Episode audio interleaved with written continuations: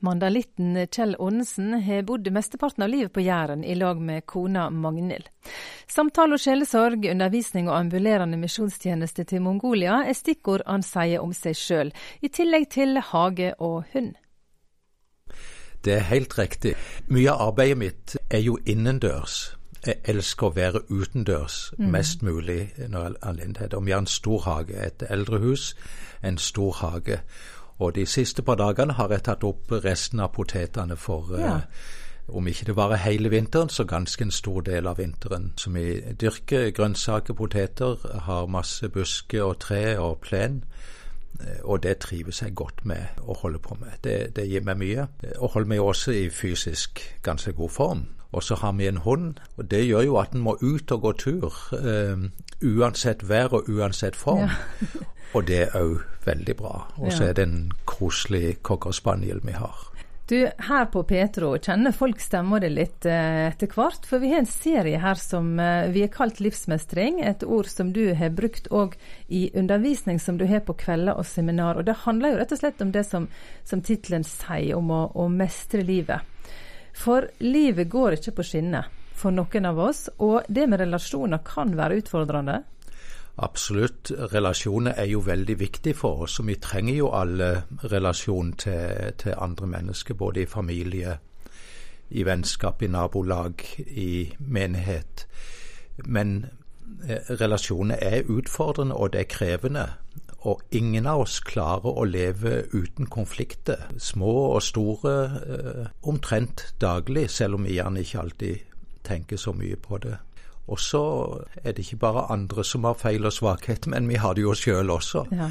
Som vi kan bidra til å, å, å, gjøre det vanskelig i relasjoner. Og det vondeste er jo selvfølgelig når det er viktige relasjoner som blir brutt fordi en ikke klarer å finne ut av ting. Denne undervisninga som du har i livsmestring, det oppdager du sjøl i en alder av rundt 35 år. Og det har blitt veldig god hjelp i deres familieliv. Det skal vi litt tilbake til eh, etter hvert. Eh, en av våre verdier i Petro, det er redelig. Vi ønsker å være sanne, og det vi kommer med her skal være sant. Og når vi kommer til det personlige, det å være autentisk og ærlig og sårbar, hva gjør det med relasjoner og fellesskap, tenker du? Hvis vi klarer å være ærlige og oppriktige på gode måter, så er det en kolossalt stor fordel. Er vi ærlige i forhold til hverandre, som i både i ekteskap, i familieliv, foreldre, barn, svigerbarn, venner, naboer, medarbeidere, klarer vi å være ærlige så blir det en, en tillit eh, som styrkes stadig mellom oss. Vi føler oss trygge på hverandre. Mm. Det gjør òg at eh, medmennesker som har noe de lurer på, våger å spørre oss og ta det opp. Så ærlighet eh, og transparens er veldig viktig. Men så, så, kan vi jo ta på oss ut. Jeg har gjort det sjøl. Altså, vi kan si en ærlig tanke eller følelse men på en uvennlig og ubehagelig måte. Og da blir det konflikt. Mm. Og da trenger vi å lytte til den andre, og gjerne òg be om tilgivelse. Og Det er jo en av de tingene du har snakket om på radioen òg, det om å være sanne, men være det på en, på en, god måte. Og Vi har hatt flere tema der det handler om å da si sannheten, det handler om kommunikasjon, balanse i livet, sette grenser osv. Og flere program skal vi lage. Vi har planer om det, Kjell. Og de, mhm. disse programmene er på en måte samtaleprogram som er bygd på de undervisning. Og det neste som er på trappene, som vi bare skal tise litt, som vi kaller det her i radio, det er noe som du kaller skadedyr i tankelivet. Kan du si litt om hva det er for noe? Ja, skadedyr i tankelivet det er noen ganske vanlige eh, irrasjonelle tankemønstre som de fleste av oss, som ikke vi har vært borti alle, vil kjenne igjen én, eh, og gjerne flere. Mm. Et eksempel på det er f.eks. burdisme. Ikke buddhisme, men burdisme. At hvis jeg sjøl har gjort noe eller glemt vekk å gjøre noe som var viktig, eh, eller andre har gjort det, så sier jeg i tankene mine jeg burde ha gjort sånn og sånn, eller jeg burde ikke sagt det. Eh, eller om vi kan si det til datter eller sønn eller ektefelle. Du burde ikke gjort det, du skulle ikke gjort det. Eh, problemet med buddhisme er at vi kan ikke gjøre noe med det som har skjedd. Hvis et barn i, med frokostbordet tømmer melkeglasset på gulvet, og far sier 'du burde ikke slå til melkeglasset', så er han jo ikke i takt med, med, virkeligheten, fordi det har allerede skjedd, og det kan ikke gjøres om. Så den eneste antageligvis i familien som er i takt med virkeligheten, det er katten som begynner å slikke opp med Ja. Forholde seg til virkeligheten. Så vi burde, så, som er veldig vanlig, mm. eh, så kritiserer vi oss sjøl eller andre for noe som ikke kan gjøres om. Så da er det bedre å forholde seg til virkeligheten. Er lei meg for at det gjorde sånn og sånn. Jeg ber om tilgivelse, og jeg vil prøve å la være å gjøre det om igjen. Mm. Det blir spennende å følge den undervisninga òg, Kjell. Det gleder mm. vi oss til. Og så har du skrevet flere bøker, og to av dem kom ut i, i eh, år. Det skal vi snakke om nå. Den første boka er ei personlig bok, og som sagt litt tidligere, så oppdaga du nettopp denne livsmestringsundervisninga som småbarnsfar, og det gjorde noe i familien. Det skriver du personlig om i boka 'Forandring er mulig', som du virkelig mener òg at forandring er mulig. Eh, kan du fortelle litt om det? Hva var det som trengtes forandring eh, hos deg, egentlig? Ja, det var mye som trengtes forandring hos meg, og, og det er der fortsatt. Jeg, jeg er ikke ferdig i forandringsprosessen. Det er jeg ikke. Men sjøl så hadde jeg en, en, jeg vil si en svært vanskelig oppvekst hjemme. Mm. Eh, men en svært hard eh, og streng og eh, til tider aggressiv far. Så det ble vanskelig og utrygt eh, og skremmende hjemme svært ofte. Og, eh, og, det har nok satt sitt preg på meg, med et lavt selvbilde, veldig liten tro på meg sjøl, med en frykt for å bli avvist, og nok sikkert flere ting også som jeg hadde med meg videre opp igjennom. Samtidig må jeg si så var jeg med i tenårene i en kristen ungdomsklubb i Mandal, og den betydde fantastisk mye for meg. Mm. Både slapp jeg å være så mye hjemme, mm. men det var et veldig godt kristent, et levende, flott miljø med veldig mange gode venner. Og der fikk jeg tillit, og der fikk jeg være med òg i ledelsen etter hvert. Men så gifta jeg meg da, på slutten av studietida, og eh, da kom det frem et mønster som jeg ikke hadde vært i kontakt med direkte tidligere, og det var sjalusi. Jeg lagde mange vonde scener, har gjort det mange vonde scener i forhold til kona mi mens hun var kjæreste, forlovede, og tidlig i ekteskapet vårt også, hvor jeg kritiserte henne for ting, og hvor jeg var sjalu på henne helt uten noen grunn. Hun ga meg aldri noen grunn til det.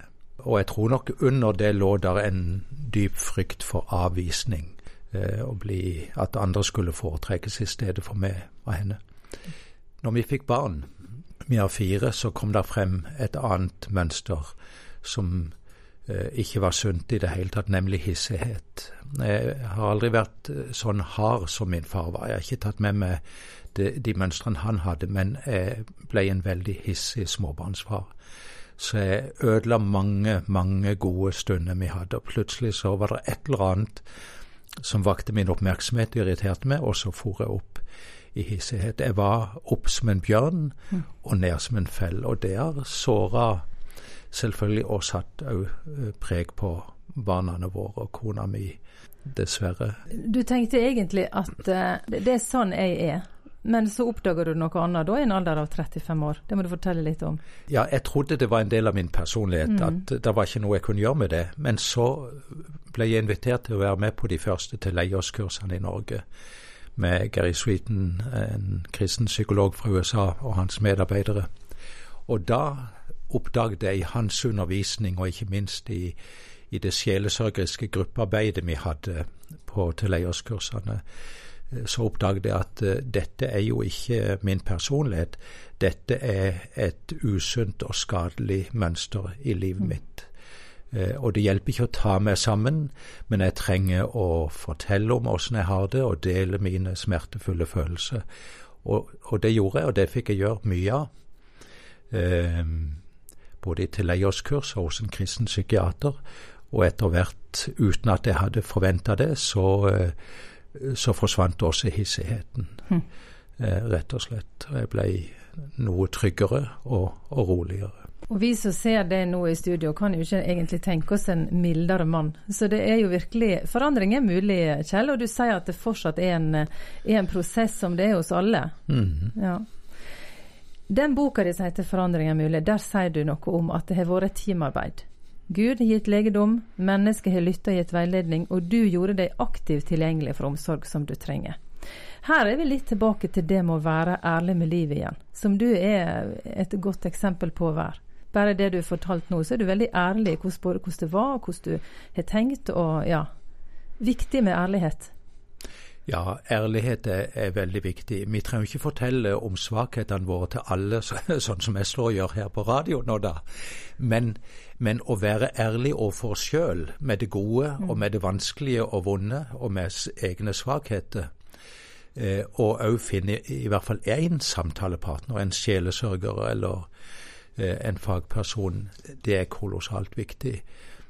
Jesus taler jo mye om hykleri, nemlig at en later som en er bedre og annerledes enn det en i virkeligheten er. Og det er ikke noen fordel på noen som helst måte. Mm. Men ærlighet og oppriktighet, og særlig hvis en ønsker hjelp i livet sitt, så må en finne et sted hvor en kan være helt ærlig og fortelle hvordan en virkelig har det. Ikke minst med det en skammer seg over, og det en gjerne fordømmer seg sjøl med også. Det er det en mest trenger å få sagt til mm. noen. Ja. Hvem er denne boka for? Ja, jeg vil jo si den er for alle. Og mitt håp, altså Mitt kall og min tjeneste og min brann, det er å formidle gjennom undervisning, tale, veiledning, og så også gjennom bøkene. Så jeg tror jo det kan være ei bok som er nyttig for mange. Og ikke minst hvis en kjenner seg igjen i at en har ting med seg gjerne fra oppvekst eller andre faser av livet som en strever med, så tror jeg boka kan være til hjelp og inspirasjon. Blant annet med å se eh, jeg som forfatter deler fra mitt eget liv, men òg vise hvordan jeg i de tingene jeg strevde med, har fått hjelp. Mm. Eh, og òg disse temaene som jeg tar opp, livsmestringstemaer som jeg òg tar opp i boka, eh, der bruker jeg ofte meg selv som det dårlige eksempelet på mm. mange av de temaene. En personlig bok du har gitt ut, og så har du òg gitt ut ei bok som er i penn av deg, eh, men det handler om en eh, mann i Mongolia. Boldo fra gategutt til pastor. Du sa litt tidligere, for du har nemlig ikke under, bare undervist i Norge om disse temaene livsmestring, men også i Mongolia, der du har blitt eh, en god venn med denne pastoren, og han har en sterk historie. Vil du ta oss med litt inn i historien hans? Ja, hvis jeg skulle gi en annen tittel til den boka om Boldo i Mongolia fra gategutt til pastor, så måtte det bli 'Forandring er virkelig ja, mulig'. For der er det en, jeg vil si en ekstrem forandring som skjer i, i Boldos liv. Mm. Han har fortalt meg da jeg har lytta til han eh, en gang i uka i halvannet av to år, um, og han har fortalt meg sin livshistorie. Han vokste opp i en, i en veldig ekstremt fattig familie. Maks ett måltid til dagen, det aller meste. Syk mor, eh, mindre halvsøsken og en eh, alkoholisert eh, og voldelig stefar.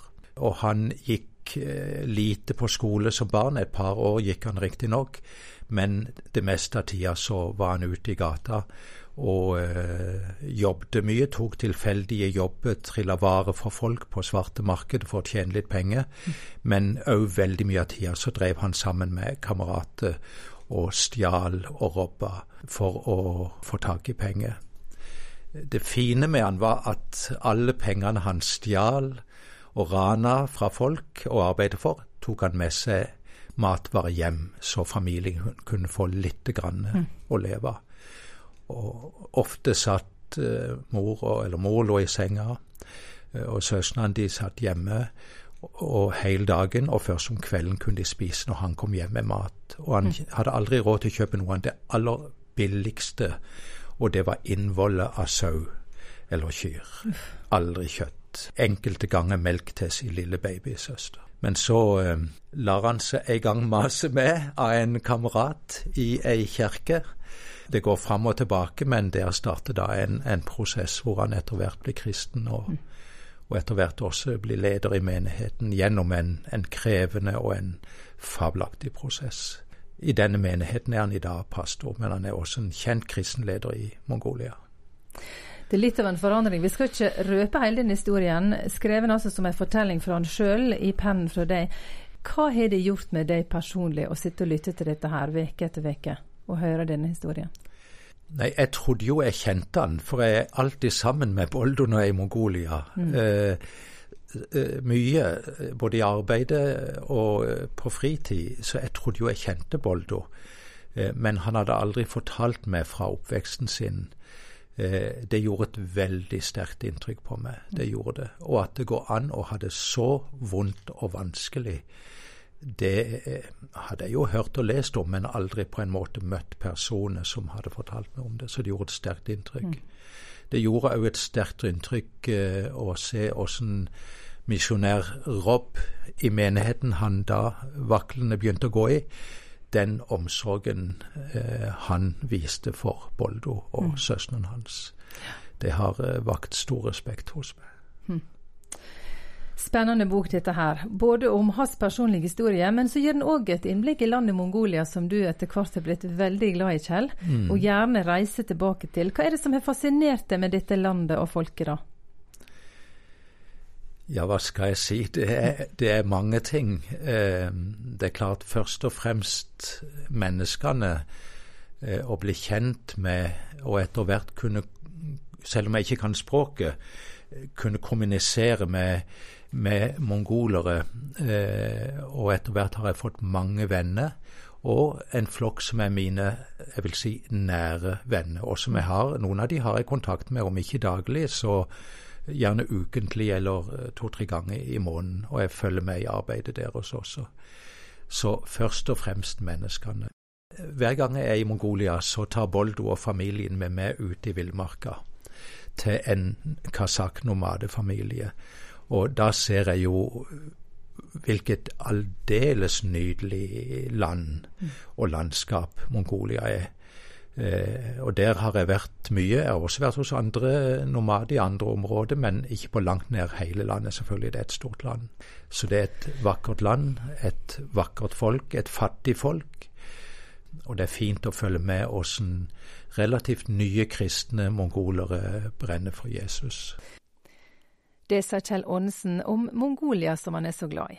Både der og her i Norge både der og her i Norge har han bidratt, og bidrar, med livsnær undervisning om relasjoner og kommunikasjon. Flere deler av serien Livsmestring får du snart her på Petro, og bøkene han har skrevet både om eget liv og pastor Boldo sitt liv, er utgitt på Proklamedia forlag. Det var Anne Birgitte Lillebø Bø som intervjua Kjell Aanesen her.